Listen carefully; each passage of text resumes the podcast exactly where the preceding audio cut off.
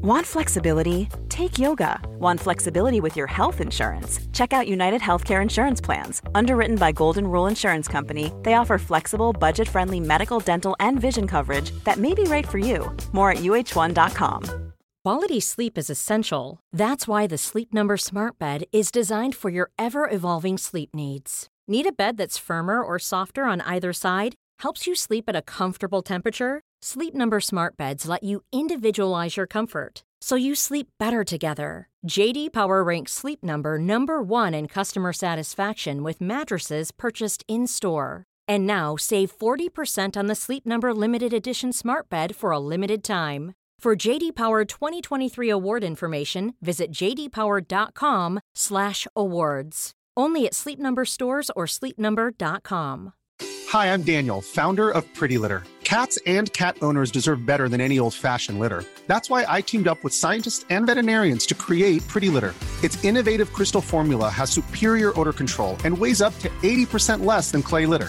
Pretty Litter even monitors health by changing colors to help detect early signs of potential illness. It's the world's smartest kitty litter.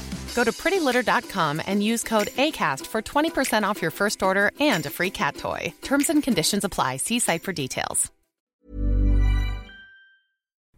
Palmemordet, Olof Palmes sista steg med Lars Borgnäs, del 3. Sveriges statsminister Olof Palme är död. 90 000. Ja, det är mord på Sveavägen. Hörde de säger att det är Palme som är skjuten.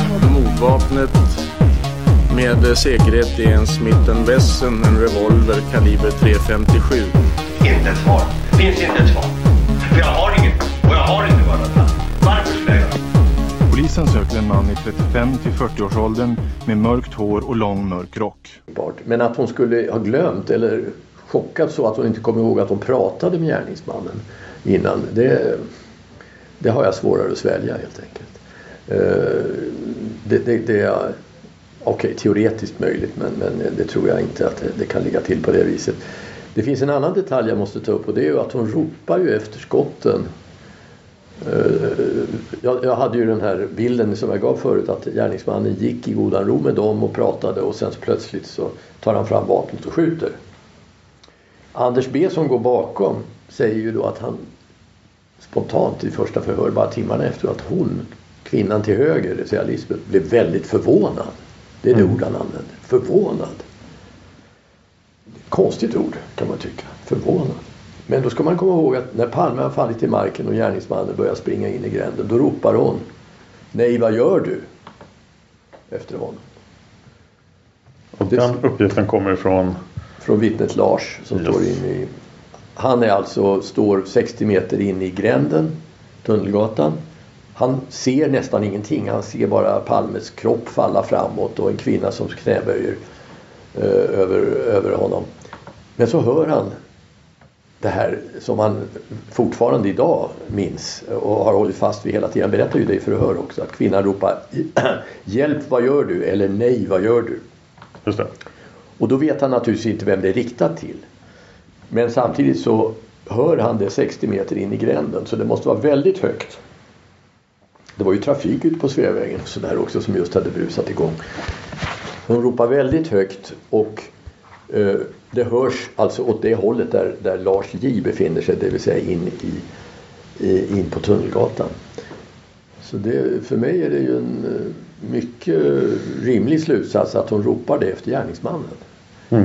Just med tanke på att hon blev så förvånad enligt Anders B då, när skotten föll. Eh, och även enligt vittnet eh, Inge så han ser också Lisbeth Palme när hon sitter med, eller står med ryggen mot eh, gatan så märker han att hon ropar någonting men han hör inte vad det är. Han hör bara liksom, att hon ropar någonting. Eftersom det är riktat bort från honom. Bort från honom, ja. Det är inte och han sitter i en bil. Ja, precis. Man kan ju tänka sig var det riktat till Olof Palme som då ligger vid hennes fötter liksom inom räckhåll från henne. Eh, ja, kanske, men varför ropar hon då så att det hörs 60 meter in i, i gränden? Eh, jag sätter ju det i samband med att hon just inte har, man, varken hon eller Olof Palme har trott att den här mannen de just har gått tillsammans med och pratat med skulle göra något ont åt dem. Det, det, det, var, det, väntar de sig inte. Plötsligt skjuter han. Och det blir för henne att spontant att hon ropar Nej, vad gör du? Eller hjälp, vad gör du? Ja. Efter honom. Vilket ju i så fall tyder på att det var en person hon förmodade pratade svenska för det första. Hade det varit Ustasja kanske hon inte hade ropat eller om det hade varit någon som hade pratat engelska med dem innan eller så. Eh, men, men att hon ropar på det viset. Det, det, man kan fundera på vad den formuleringen som hon använder för en kvinna i hennes position. Nej, vad gör du? Om det inte är en viss... Eh, ja, kan leda tanken till att hon hon blev så överraskad över att just han skulle göra just detta. Mm. Så att det kommer från henne spontant. Det är en ganska intressant liten detalj. Eh, du är nu inne övertygad om mötet. Att, att det har skett ett möte. Eller hur? Mycket talar för det måste jag ja. säga. Mycket talar för det. Eh, och då måste vi nämna Nikolas vittnesmål. Mm. Eh, och de här 43 sekunderna. Mm. Alltså då vill jag säga, det jag menar, för jag skriver om mötet också här, att eh, det är mycket, för mig är det mycket sannolikt att de var på väg till ett möte. Av flera skäl. Dels det här som är känt att de lämnade, dels inte hade några livvakter, mm. fast det var, Palme var, var medveten om faran, hotet som han hade sagt på eftermiddagen. Och man, man pratar ju om det hemma också, att det var en uppskruvad situation. Fast Palme verkar ju vara väldigt benägen i februari 86 att skicka bort sina livvakter. Jag har sett uppgifter på att han bara haft livvakter vid fem tillfällen ja. under månaden. Även på kvällarna menar du? Sena kvällar? Ja. Han är ute på Djurgården där och promenerar utan livvakter. Han går på restauranger utan livvakter. På kvällen, Nej, det är sant. Nej. Men han var ju sällan ute vid den tiden. Nej, men jag säger det. När han går ut på... Han hade ju livvakt på morgonen den här dagen när mm. han gick till tennisen. Så han var ju inte alls med, omedveten om att han borde ha livvakt när han var utanför triangeln så att säga. Ja. Och det, nu skulle de ut på en sen bio. Mm. Som de visste sluta efter 11. Snarare de skulle inte vara ute från bion för en bra bit efter 11. Och ändå väljer de att inte beställa in livvakt. De kunde ha beställt livvakten bara till att komma och följa med dem hem. Just det, de väljer ju att gå hem genom Stockholms farligaste område. Just det, de väljer att säga nej till eh, sonen Mårtens förslag om att gå och dricka te tillsammans i Gamla stan. Vilket ju kunde ha varit en trevlig gest kanske efter eh, efter att ha sett samma film och så vidare. Man kunde i varje fall ha gått tillsammans till Gamla stan. Så jag vet inte hur de hade tänkt sig men de säger nej till det. Mm. Eller snarare det framställs som att Lisbeth Palme säger nej till det medan Olof Palme enligt vad Mårten säger, eh, vad, vad hans flickvän säger eh, var mer inställd på att göra det. Men Lisbeth Palme säger nej, hon är trött, hon vill gå hem. Visst, klockan var ju sen, alltså, det var kvart över elva. Och det var lång väg att gå hem också, en och en halv kilometer, det tar ju tid. Ändå väljer de att gå hem. Fast man, hon är trött och inte nog med det. Sen har man gått ett antal meter så styr de bort från den egentliga riktningen hemåt och går över gatan för att titta i nedsläckt eh, skyltfönster. Ja, jag har ju gått exakt den här vägen idag mm. eh, hit. För Aha. jag bor ju vid Grand. Okay. Och jag väljer ju naturligt att gå på Drottninggatan givetvis och sen gå på Österlånggatan. Det är raka spåret. Och det är en trevlig gånggata stora bitar av vägen. Istället för att gå på Sveavägen, definitivt inte på den där östra sidan av Sveavägen som ju är folktom och, ganska obehaglig sen på kvällen. Man kan vända på det och säga Palme kanske, Olof Palme kanske tyckte det var skönt att gå på gator där han inte blev igenkänd hela tiden och var tvungen mm. att heja på folk. Och så. Ja, det, är så det, det är rimligt i och för sig. Men faktum är att man väljer en väg som är en längre väg än vad det behöver vara. Mm. Det fanns ju andra gator att välja i så fall om man ville gå säga, och, och västerut istället för att gå österut som man gjorde nu över Sveavägen. Ja. Och det gör man då, går över för att titta i det där skyltfönstret där man nog inte stannar mer än några sekunder. Ett möte, är det mer som tyder på det? Jo, de sista. When you're ready to pop the question, the last thing you want to do is second guess the ring. At BlueNile.com you can design a one-of-a-kind ring with the ease and convenience of shopping online. Choose your diamond and setting. When you find the one, you'll get it delivered right to your door. Go to Bluenile.com and use promo code LISTEN to get $50 off your purchase of $500 or more. That's code LISTEN at Bluenile.com for $50 off your purchase.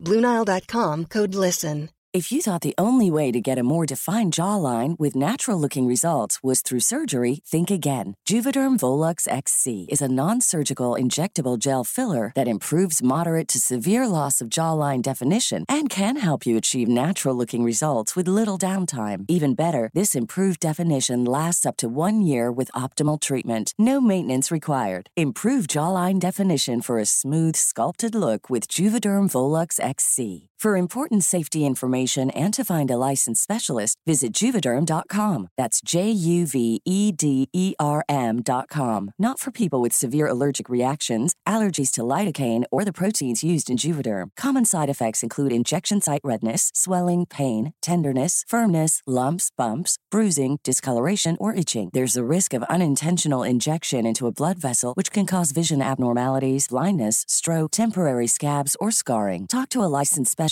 to find out if it's right for you. Flexibility is great. That's why there's yoga. Flexibility for your insurance coverage is great too. That's why there's United Healthcare Insurance Plans. Underwritten by Golden Rule Insurance Company, United Healthcare Insurance Plans offer flexible, budget friendly coverage for medical, vision, dental, and more.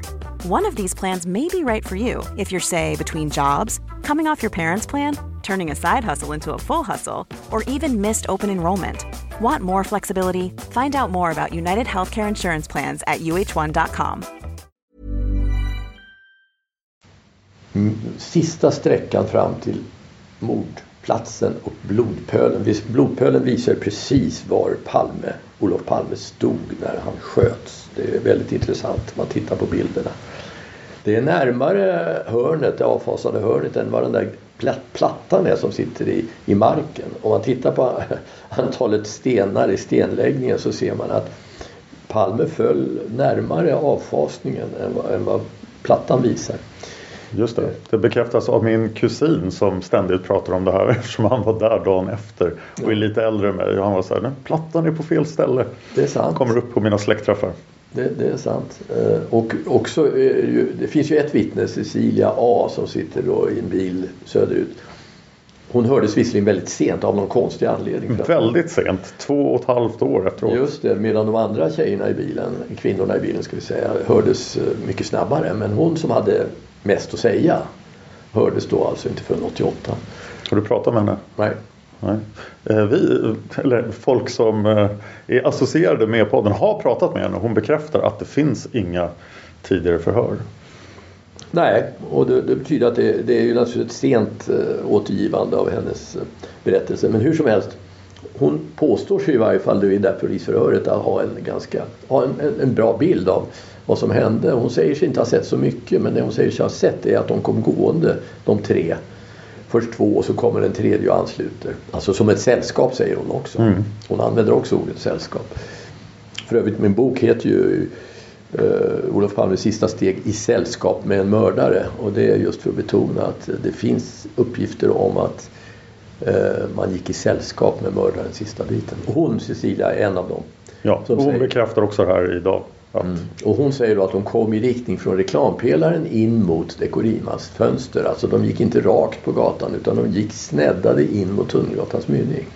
Ja, det är ju väldigt märkligt men om man hade gått rakt på Sveavägen då hade man inte hamnat intill, intill väggen på det sättet. Nej, alltså går de i riktning mot Tunnelgatans mynning och då är ytterligare ett tecken, ty tycker väl jag, på, kan vara på att de hade ett ärende inne exempelvis um, öster om Sveavägen, alltså in mot uh, Luntmakargatan eller Alpenbergsgatan eller Bohemia eller var, det finns ju flera platser där inne. Bohemia är restaurangen som ligger i hörnet, ja. Luntmakargatan, Tunnelgatan. Just och det var ju ett känt socialdemokratiskt uh, tillhåll om man säger så därför att när man hade haft möten på Sveavägen 68 så gick man ofta och åt lunch där och, och Eh, Eh, socialdemokrater frekventerade den där restaurang Bohemia. Så alltså, det är ju det är bara spekulation men, men eh, det var ett känt ställe säkert för Olof Palme och Lisbeth Palme. Så de var så att säga på väg in åt det hållet vilket inte var naturligt om de var på väg hemåt på samma sätt. Det är ytterligare en indikation. Eh, men du tog upp också Nikola och hans vittnesmål. Om man nu ska tro på det och det finns ingen anledning att inte tro på det. Han, han var ju där och vallades också och visade precis var han, var han hade sett och hört saker.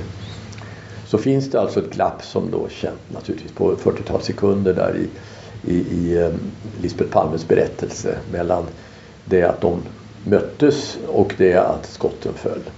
Ett glapp på 40 sekunder som inte är förklarat.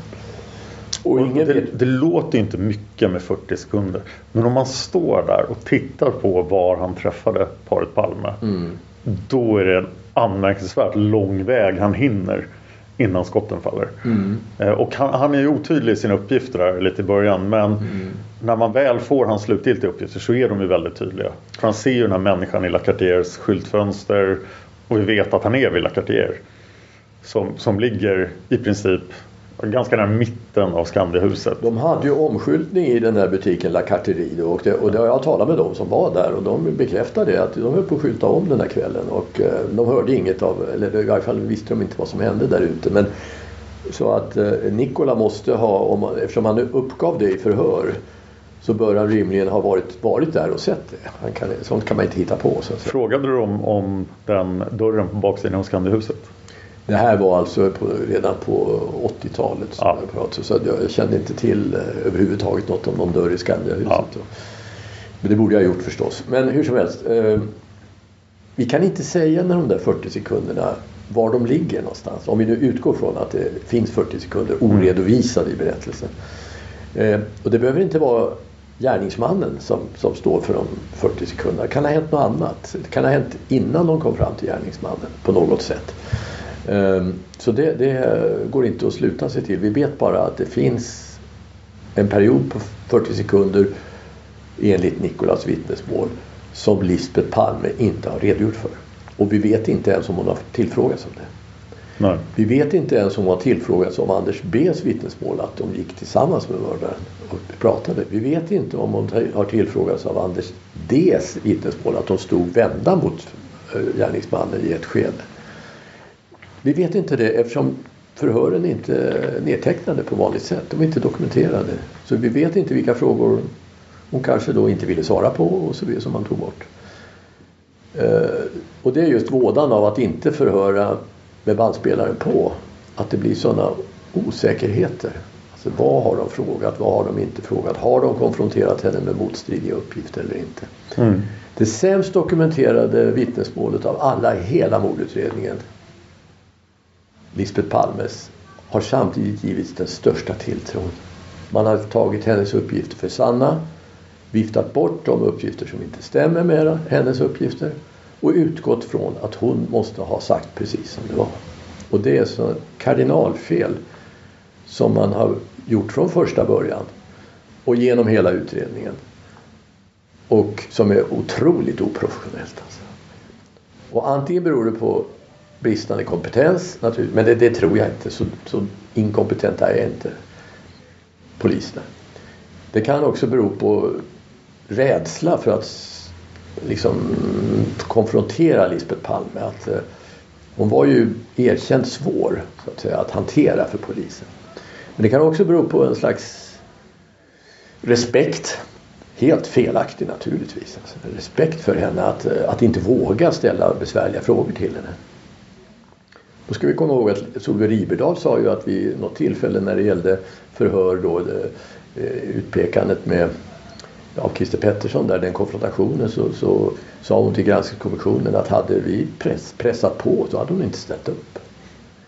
Så de var alltså i en situation, utredarna, enligt Riberdahl att Lisbeth Palme ville inte hjälpa till att lösa mordet på sin man om hon inte fick bestämma hur det skulle gå till. Det är vad hon säger. Det är oerhört anmärkningsvärt. Det tyckte säkert Riberdahl också. Det gjorde det märks ju i förhöret i granskningskommissionen. Mm. Det var genomgående. Alltså det, att hon ställde ju också villkor vid förhören. De första polisförhören att hon skulle ha sin son Mårten med. Vilket inte poliserna ville. Reneborg och Sjöblom de, bad, de sa att vi ska inte ha flera vittnen. Mm. Det är ett kardinalfel att förhöra flera vittnen samtidigt. Ja absolut. Jag pratade en gång med mord, Riksmordkommissionens eh, chef. Eh, det var väldigt länge sedan i varje fall. Eh, och han sa att det där tyckte han var fullständigt bortåt, bort i tok. Alltså att, att de lät henne bestämma eh, vad som eh, skulle, vad som skulle vara liksom, vad som skulle gälla vid förhören. att de böjde sig för det. Han sa att hade jag skött den här då, vilket han egentligen borde ha gjort, så, så hade det inte kunnat gå till på det viset. Eller om Arne Irvell hade fått sköta det så hade det inte fått gå till på det viset. Men Arne Ivrell blir alltså placerad på tips? Tipsmottagningen. En viktig uppgift i och för sig att sitta och värdera tips. Det, det, det, var inte oviktigt men han berättar ju då, det refererar jag i boken också, att det här var det första mordet under hans tid som chef för mordkom, eh, alltså Stockholmspolisens mordkommission som han inte väcktes på natten när det skedde ett mord. Alltid annars väcktes han, kallades in. Men här kom hans fru in på morgonen med Dagens Nyheter eller vad det var och sa så här, du de har skjutit Palme. Och då pratar vi någonstans mellan 5 och 15 mord i Stockholm per år. Ja, jag tror han ledde 150 mordutredningar ja. alltså. Ja. Sammanlagt. Och, eh, så det här var första gången och enda gången som man inte kallades in. Vilket han, det var där föddes hans misstro. Vad är det här för någonting egentligen? Ja. Sen blev han då satt att uh, värdera tips vilket också var en, naturligtvis en, en viktig uppgift. Men, men um, Ledde han tipsmottagningen? Eller? Ja, det tror jag väl att han gjorde. Men det var ju så att han borde haft en plats i Palmerummet hos Holmér, men det fick han inte. Uh, han borde ha varit egentligen mycket högre placerad i, i själva spaningsarbetet. Och, ja, kanske inte lett utredningen för det, det, tror jag han själv tyckte att det var bra att Holmér med sina resurser ledde det i någon slags administrativ mening. Mm. Men Pal uh, Holmér var ju ingen mordutredare. Var Krusell Ah, han kom ju från en annan rotel så han, han blev ju handplockad av, eh, om det var eh, Tommy Lindström som plockade upp honom till att sitta under Ölvebro. Så att han var ju inte heller eh, han var inte Stockholms vassaste mordutredare kan man säga. Eh, överhuvudtaget de vassaste mordutredarna har ju aldrig tagits in i utredningen. Av någon konstig anledning. Trots att det är det viktigaste mordutredningen av, av alla. Var Dag Andersson den mest erfarna mordutredaren som har jobbat i Palmeutredningen? Du, jag kan inte värdera. Han var väl eh, tänkt, han anses ju vara duktig. Ja. Det, det, och han har gjort många fina utredningar och sådär. Men, men eh, jag kan inte värdera dem eh, alls. Det, det vore orättvist att göra det. Om vi, vi håller oss kvar vid mötesscenariot. Ja. Så, eh, din, din kollega Gunnar Wall är ju en stor förespråkare för mötesscenariot. Hur eh, skiljer sig din mötesteori från hans? Nej, jag säger så här att jag tror att eh, det, det är en god sannolikhet för att de var på väg till ett möte av något slag. Säg att det var politiskt eller privat eller så. Eh, av en karaktär som inte tillät att några andra fick vara med. Alltså inte livvakterna, inte eh, sonen och hans flickvän, inte någon. Så att säga. Det, var privat, det var ett privat möte. Alltså privat i den meningen att det inte skulle vara några andra närvarande. Vad sen ja. ämnet var för det, det vet jag inte. Eh, det tycker jag väldigt mycket talar för och, och då behöver inte det mötet ha varit det, avsett gärningsmannen. Utan jag tänker mig att eh, några, exempelvis Säkerhetspolisen, som ju bevisligen hade spaning på Palme, övervakning av Palme som jag har berättat förut, visste om att det här mötet skulle ske. Och, eh, vet vi att de visste om det? Nej, men jag tänker mig om, om några visste om det så är det väl Säkerhetspolisen ganska högt upp på den listan som hade möjlighet att övervaka. Mm. Eh, avlyssna vad du vill, bugga eller ta reda på att det skulle vara ett sånt här möte. Hellre än vilka privatpersoner som helst. Alltså det, um, och där kommer det in det här med walkie-talkies faktiskt, de, som jag har pratat om tidigare här. Uh, det kan ju vara så att gärningsmannen har alltså fått information om att de kommer, eh, det är inte honom mötet avser kan jag tänka mig. Utan han förstod att de, eller visste då att de skulle komma passera den här platsen vid ungefär viss tidpunkt. Så han kunde alltså möta upp med dem där. Men det var inte honom i så fall mötet gällde utan eh, det är därför jag menar att de efter sammanträffat med honom när de börjar gå mot hörnet så drar de sig in mot Tunnelgatan där kanske då mötet ändå skulle äga rum så att säga. Så att gärningsmannen var informerad, visste att det här var en bra plats att göra det på, hade haft tid att förbereda sig. Om man hade medarbetare så kunde allting vara klappat och klart. I den meningen är det alltså en fälla. Man vet att de kommer dit. Man vet att där kan man komma åt dem. Man vet att det är en bra plats för att fly. Eh, och det skriver Arne Ivell också. Så han tycker det är en utmärkt mordplats alltså, för gärningsmannen. Så att säga. Väl vald. Men då slår mig tanken att det vore inte mycket bättre att mörda Palme inne på Tunnelgatan? Det kan man tycka men om du då går tillbaka till det här att, att eh, Palme kanske börjar tycka att han är för påflugen. Jag menar, du spekulerar jag men anta Mm. det att han tycker nu får det räcka. Nog färdigpratat. Stick så att säga. Mm. Och då förstår gärningsmannen att eh, nu försitter han snart chansen. Och då lägger han upp handen på axeln på Palme och Palme bromsar upp och så följer det där som jag vet. Det är bara ett möjligt scenario. Men det skulle förklara att han väljer att skjuta vid Dekorima-fönstret snarare än när de har kommit in bland barackerna där inne. Om det är som, som du säger, det är den skulle möjligen vara ännu mer idealisk plats. Ja, man tycker det. Det har liksom samma egenskaper men du slipper vittnena från Sveavägen. Visst, så det, det är möjligt att det inte var exakt den platsen han hade valt ut. Det vet vi ingenting om. Men det var ju ändå väldigt bra. Eftersom eh, ingen av alla 25 vittnena som såg mordet såg hans ansikte. Det är ju intressant. Det är intressant och det visar ju dels att det gick väldigt fort. Som jag sa, fokus hos vittnena hann aldrig bli gärningsmannens ansikte. Eller också var han maskerad på något sätt men då är det ju svårt att förstå hur Palme kunde överhuvudtaget börja prata med honom. Men det gick så fort. Han stod som en siluett mot Dekorima-fönstret, det väldigt upplysta fönstret. Ingen, ingen har ju ens sagt att han, vilken hudfärg han hade. Ingen har ju sagt att det var en, en, en, definitivt en, en blekhyad person. Ingen har sett det. Så att, eller om det var en svartmuskig person. Ingen har ens kunnat säga så mycket. Vi vet ju det här med mössan, det är ju det enda som finns faktiskt. Väldigt lite. Den är väldigt, väldigt många olika uppgifter vad mördaren har på huvudet. Ja, fast inte ändå. Därför att de, den person som var bäst placerad för att se det var ju Anders B som gick bakom. Mm. I flera meter som han uppger själv. I flera meter gick han bara några 5, 6, 7 meter bakom. Och han var ju säker på att det var en sån här eh, Nicholson, Jack Nicholson mössa. Han till och med ritade av, det finns i utredningen, en teckning upprullad. Det råkar sammanfatta med Inge, Inge Ems berättelse. Han var ju den andra som, som under en viss period såg den här personen. Mm. Och som säger, det var ingen keps. Han säger ju det, det var ingen keps. Han är säker på det och får frågan till och med. Var det en keps? Nej.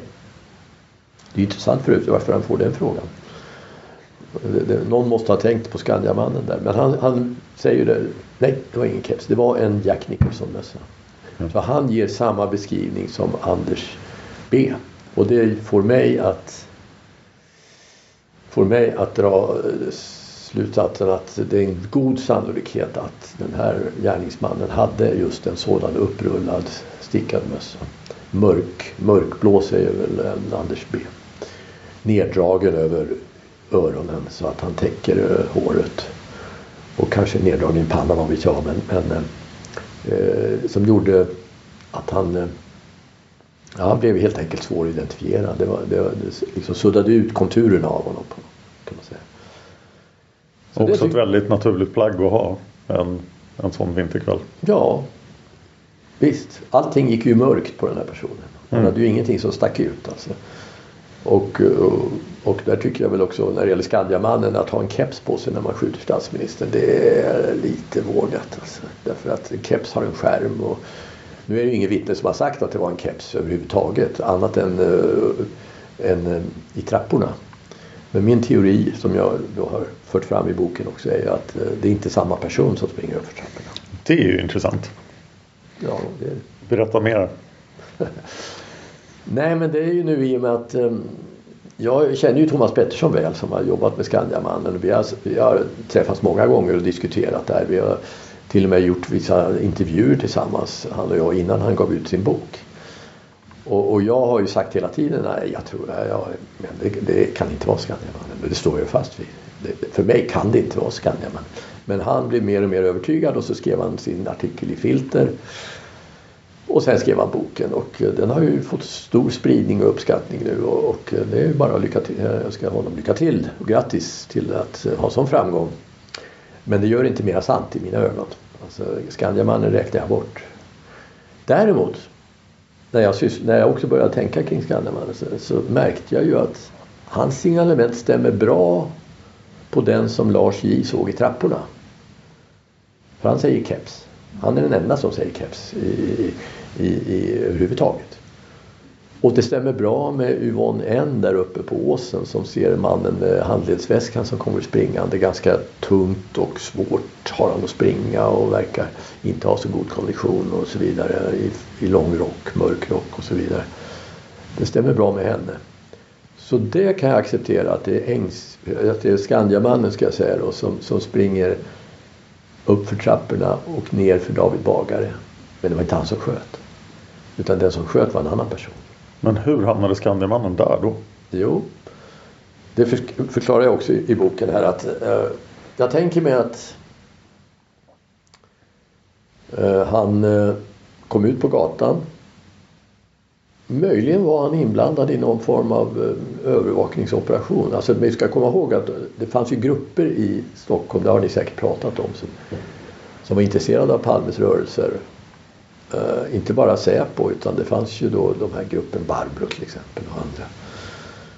Uh, även andra faktiskt, det fanns en grupp som hette Alfa också som, som höll på Kontra höll på också, tidningen Kontra och, och spana. Så det fanns eh, eh, flera intresserade av Palmes rörelser helt enkelt. Och därav alla dessa walkie-talkie-vittnen kan jag tänka mig. Det behöver inte ens vara samma grupp, så de olika, vittnen, eh, de olika männen. Utan det kan vara flera som hade fått information om att Olof Palme skulle på kvällen göra någonting som han inte borde. Ha någon kontakt han inte borde. Eller sånt där. Att han kommer ut och går på stan. Och därför och visste ungefär när och så eller var det skulle ske. Eller var de skulle gå. Och då passa på att följa efter och, och, och spana på honom.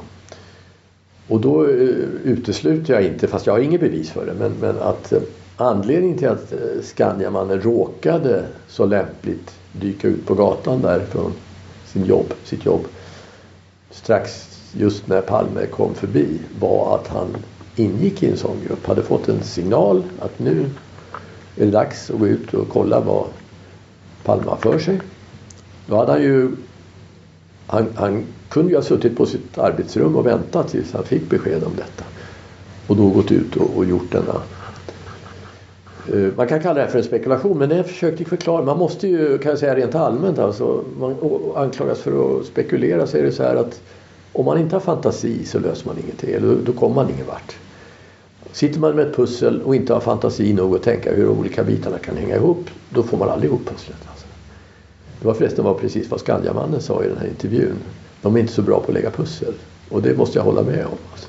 Jag, jag ger honom en eloge för den observationen. Palmeutredarna har inte varit bra på att lägga pussel. Därför de har ju egentligen, officiellt som man vet i alla fall, de har ju inte, tycker jag, de har ofta visat brist på fantasi. Hur kan det vara? Eh, till exempel walkie-talkie-vittnen har de aldrig förstått att de kunde ha med mordet att göra. Det var som Anders Kjellin, åklagaren, sa till mig en gång när jag intervjuade honom. Nej, men vi måste ju utgå från vad vi faktiskt vet, säger han. Och det är ju ingenting vi vet.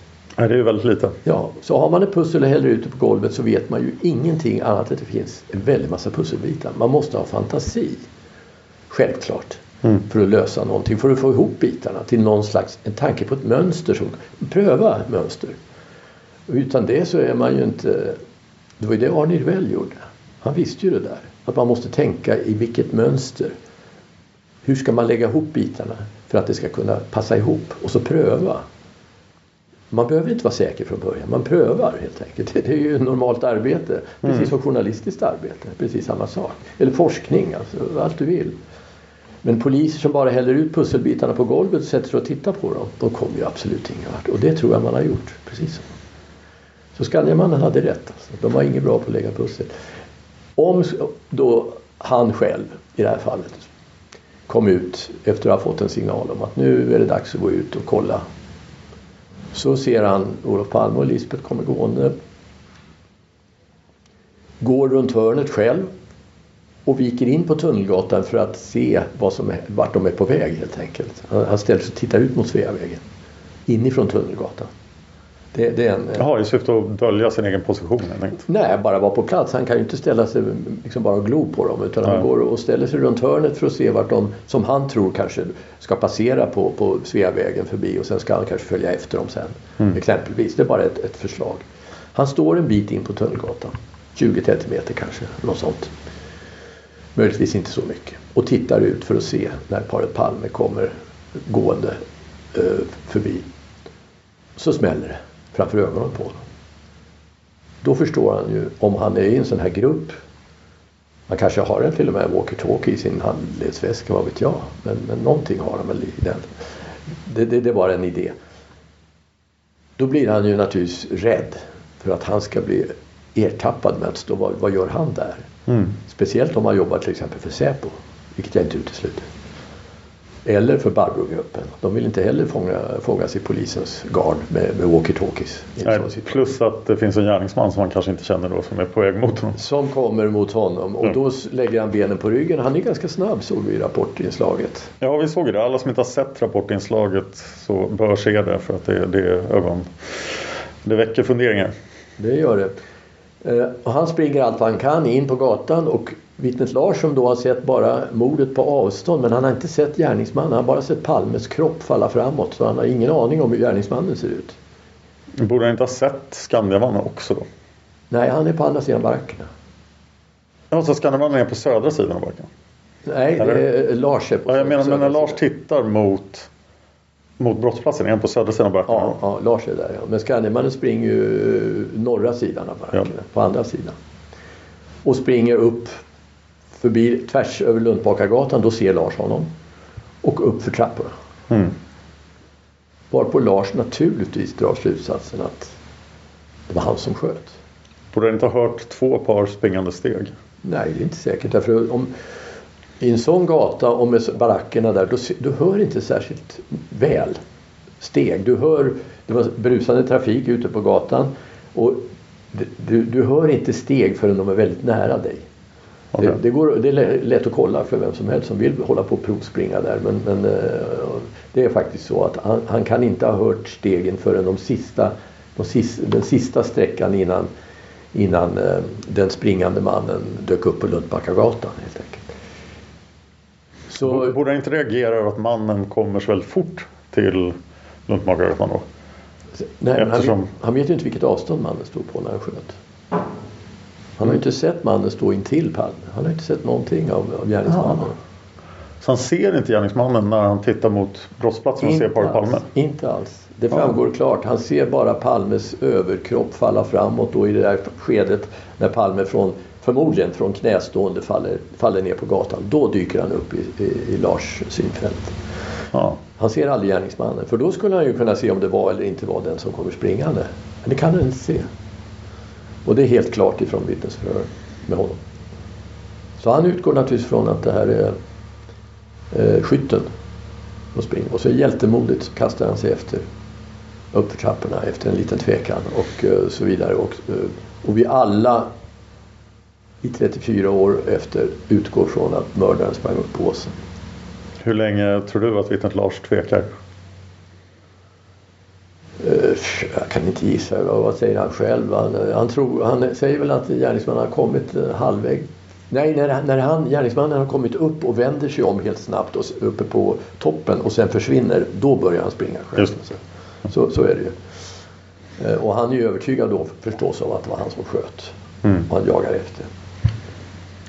Men borde han inte då se den andra springande mannen på Luntmakargatan? Inte, nej, vi vet ju inte vart han tog, tog vägen. Det, det, det finns förklaringar på det där som jag inte ska gå in på här. Men det här kommer nämligen att bli, bli eh, om man dristar sig till att ta fram Skandiamannen i sommar så finns det en del eh, saker som talar emot det väldigt starkt och de ska jag inte berätta om här. Okej. Nu blir jag väldigt nyfiken. Ja, det tror jag alla blir. Precis som vi blev när Christer Pettersson började tala om att han ska lösa det i sommar. Alla blev nyfikna. Verkligen. Ja, så det är ett bra, det är ett bra sätt att göra folk intresserade. Det som har hänt nu efter Petterssons utspel är ju att vi har lurats in i, lurats in, vi har lurat oss själva in i en smaklös, en osmaklig ska jag säga, osmaklig eh, gissningslek. Spekulationscirkus. Det har verkligen blivit en spekulationscirkus. Ja, och det var ju, gick ju att förutse för Petersson. Men där borde han ha förutsett att säger han det han sa Mm. så kommer alla att börja gissa, spekulera. Och det gör han alltså. Han låter oss gå in i en dimma. Han skickar ut en dimma Mm. som vi sen börjar treva oss runt i. Även professionella och duktiga journalister sitter och gissar och spekulerar i tv och press och radio. Och det är åstadkommet av det här märkliga utspelet från Petersson som kom just när han skulle svara på frågor om min bok. Ja, exakt. Han, han Ja. satt och skulle, det kan man ju se på Veckans Brotts extra program där, inte något vanligt program men det finns ett extra Jag program. vet. Camilla Kvartoft skulle fråga. Hon, hon hade intervjuat mig. Mm. En lång intervju hemma hos mig. Och sen sa hon att hon skulle ringa Christer Petersson för att få kommentarer. På eftermiddagen på den måndagen. Och så gjorde hon det. Och då istället för att prata om min bok så sa han plötsligt, slängde han den här bomben i knät på henne. Mm. Som han visste naturligtvis att den kommer att ta all syre. Ja. Och då, det var ju också vad som hände. Alltså, det, det, det, spekulationerna började omedelbart. Och så seglar Skandiamannen upp omedelbart. Man har ju också fått hela tiden lite mer information så att säga om honom. Så det, medias intresse har ju hela tiden eh, växt kring Skandiamannen. Mm. Medan eh, de frågorna som jag, min bok skulle föranleda mot Petersson som är oerhört, alltså det, boken är ju väldigt kritisk mot, inte minst mot honom. Och så, eh, eller utredningen, men han är ju leder ju utredningen. Slapp han ju på det viset. Mm. Mm, Det var ju... Det var kronologiskt var det ju ett fantastiskt sammanträffande. Vad tror du han kommer att presentera för lösning? Jag har ju en uppgift som jag har berättat om i pressen i, som kommer inifrån utredningen att det är inte Skandiamannen utan det är Sydafrika. Så det är inte Skandiamannen i kombination med Sydafrika utan det är, det är Har jag- har jag Sydafrika? inte hört något om. Och den kombinationen tycker jag är en nästan otänkbar kombo. Måste jag säga. Kan du berätta mer om, Jag kan, om berätta, det, det, jag kan berätta så mycket som inte riskerar att avslöja min källa som naturligtvis är oerhört angelägen att Givetvis. inte bli identifierad. Därför det här ska ju inte komma ut egentligen. Men det är då okej för mig att berätta detta men, men hans identitet får inte på något sätt röjas. Man kommer att, enligt den uppgiften då, så kommer man att peka på Sydafrika att ansvaret för mordet eh, finns i Sydafrika. Rimligen då regimen eller någon organisation under regimen.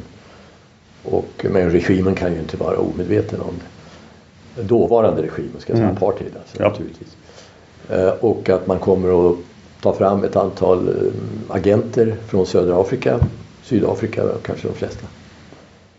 Eh, som var utförde det. Möjligtvis att man har någon form av erkännande också enligt den här uppgiften. Det kan finnas någon form av teknisk bevisning också.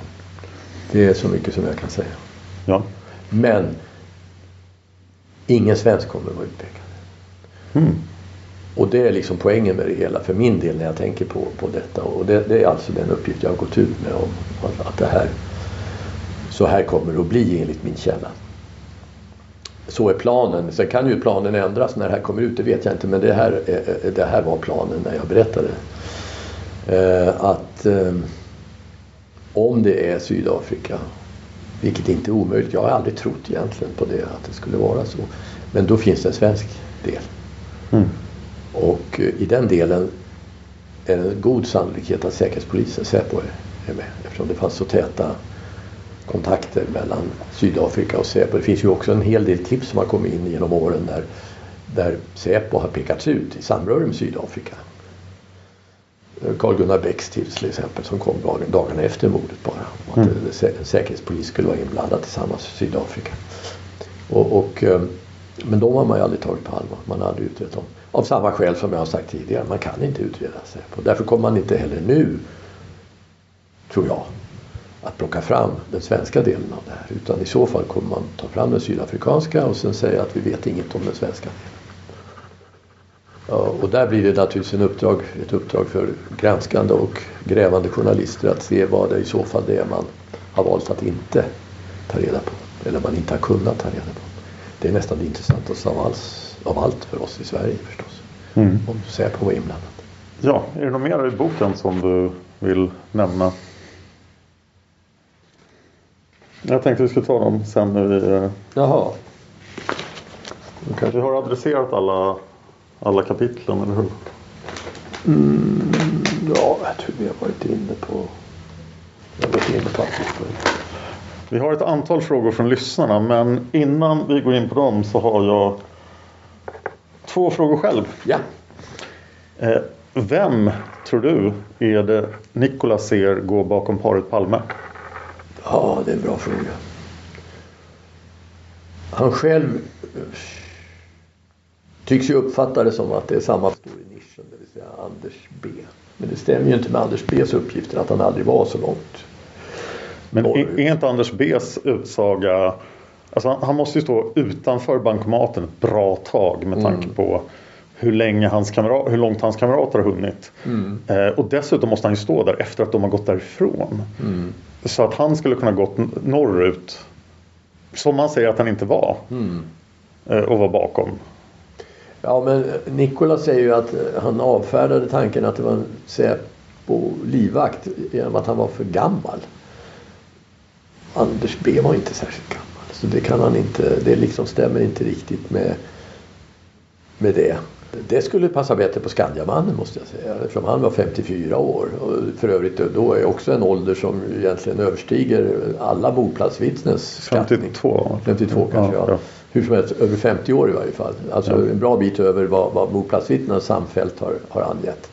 De kan naturligtvis alla ha fel där. Ja, de har ju inte sett hans ansikte. Nej, de går ju Och med på de- hans, hans rörelser. Ja, och när man ser honom springa i rapportinslaget så, Mm. så ser det ut som en yngre man.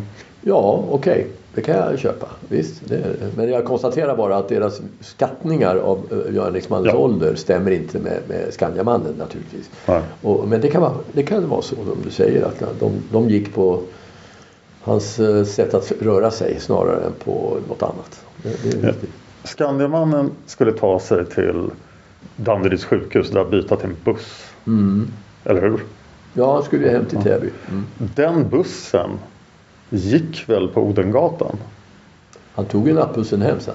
Ja, Ja, från Odenplan. precis. Så att, vore det inte naturligt för honom att gå? Det här var ju för sig en väg han gick hem ganska Nej, ofta, men han skulle ju åka tunnelbana. Ja, men varför skulle han göra det istället för att gå direkt till nattbussen? Nej, men eh, var det inte så att han skulle ta tu- sista tunnelbanan hem? Alltså tunnelbanan hem. Han skulle inte ta nattbussen från början. Okej, så han, han når hemmet via tunnelbanan. Ja, Han måste ja. inte byta till en buss i Täby. Jo, det måste han kanske. det måste han göra. Visst, men alltså hans plan var inte att ta nattbuss från Odenplan från början enligt hans egen uppgift. Mm. Utan det var att gå och hinna med sista tunnelbanan var det väl för att komma hem via sen lokalbussen kan jag tänka Just det.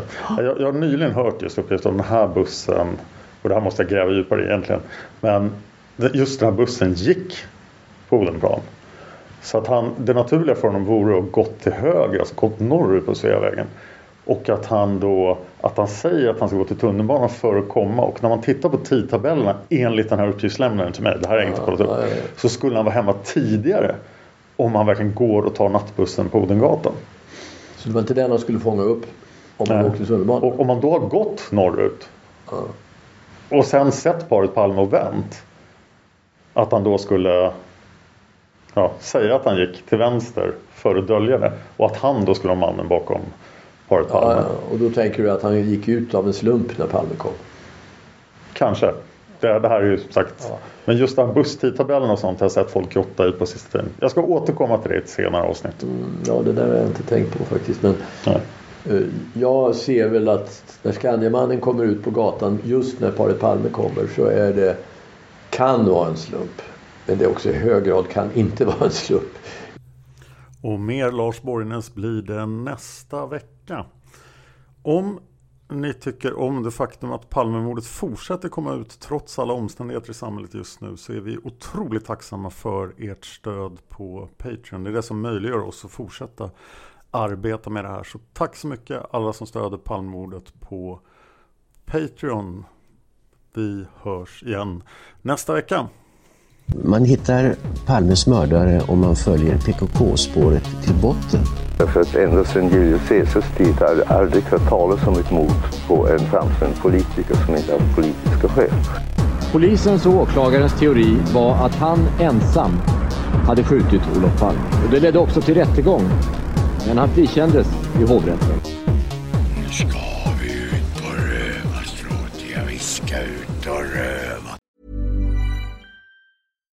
Hi, I'm Daniel, founder of Pretty Litter. Cats and cat owners deserve better than any old fashioned litter. That's why I teamed up with scientists and veterinarians to create Pretty Litter.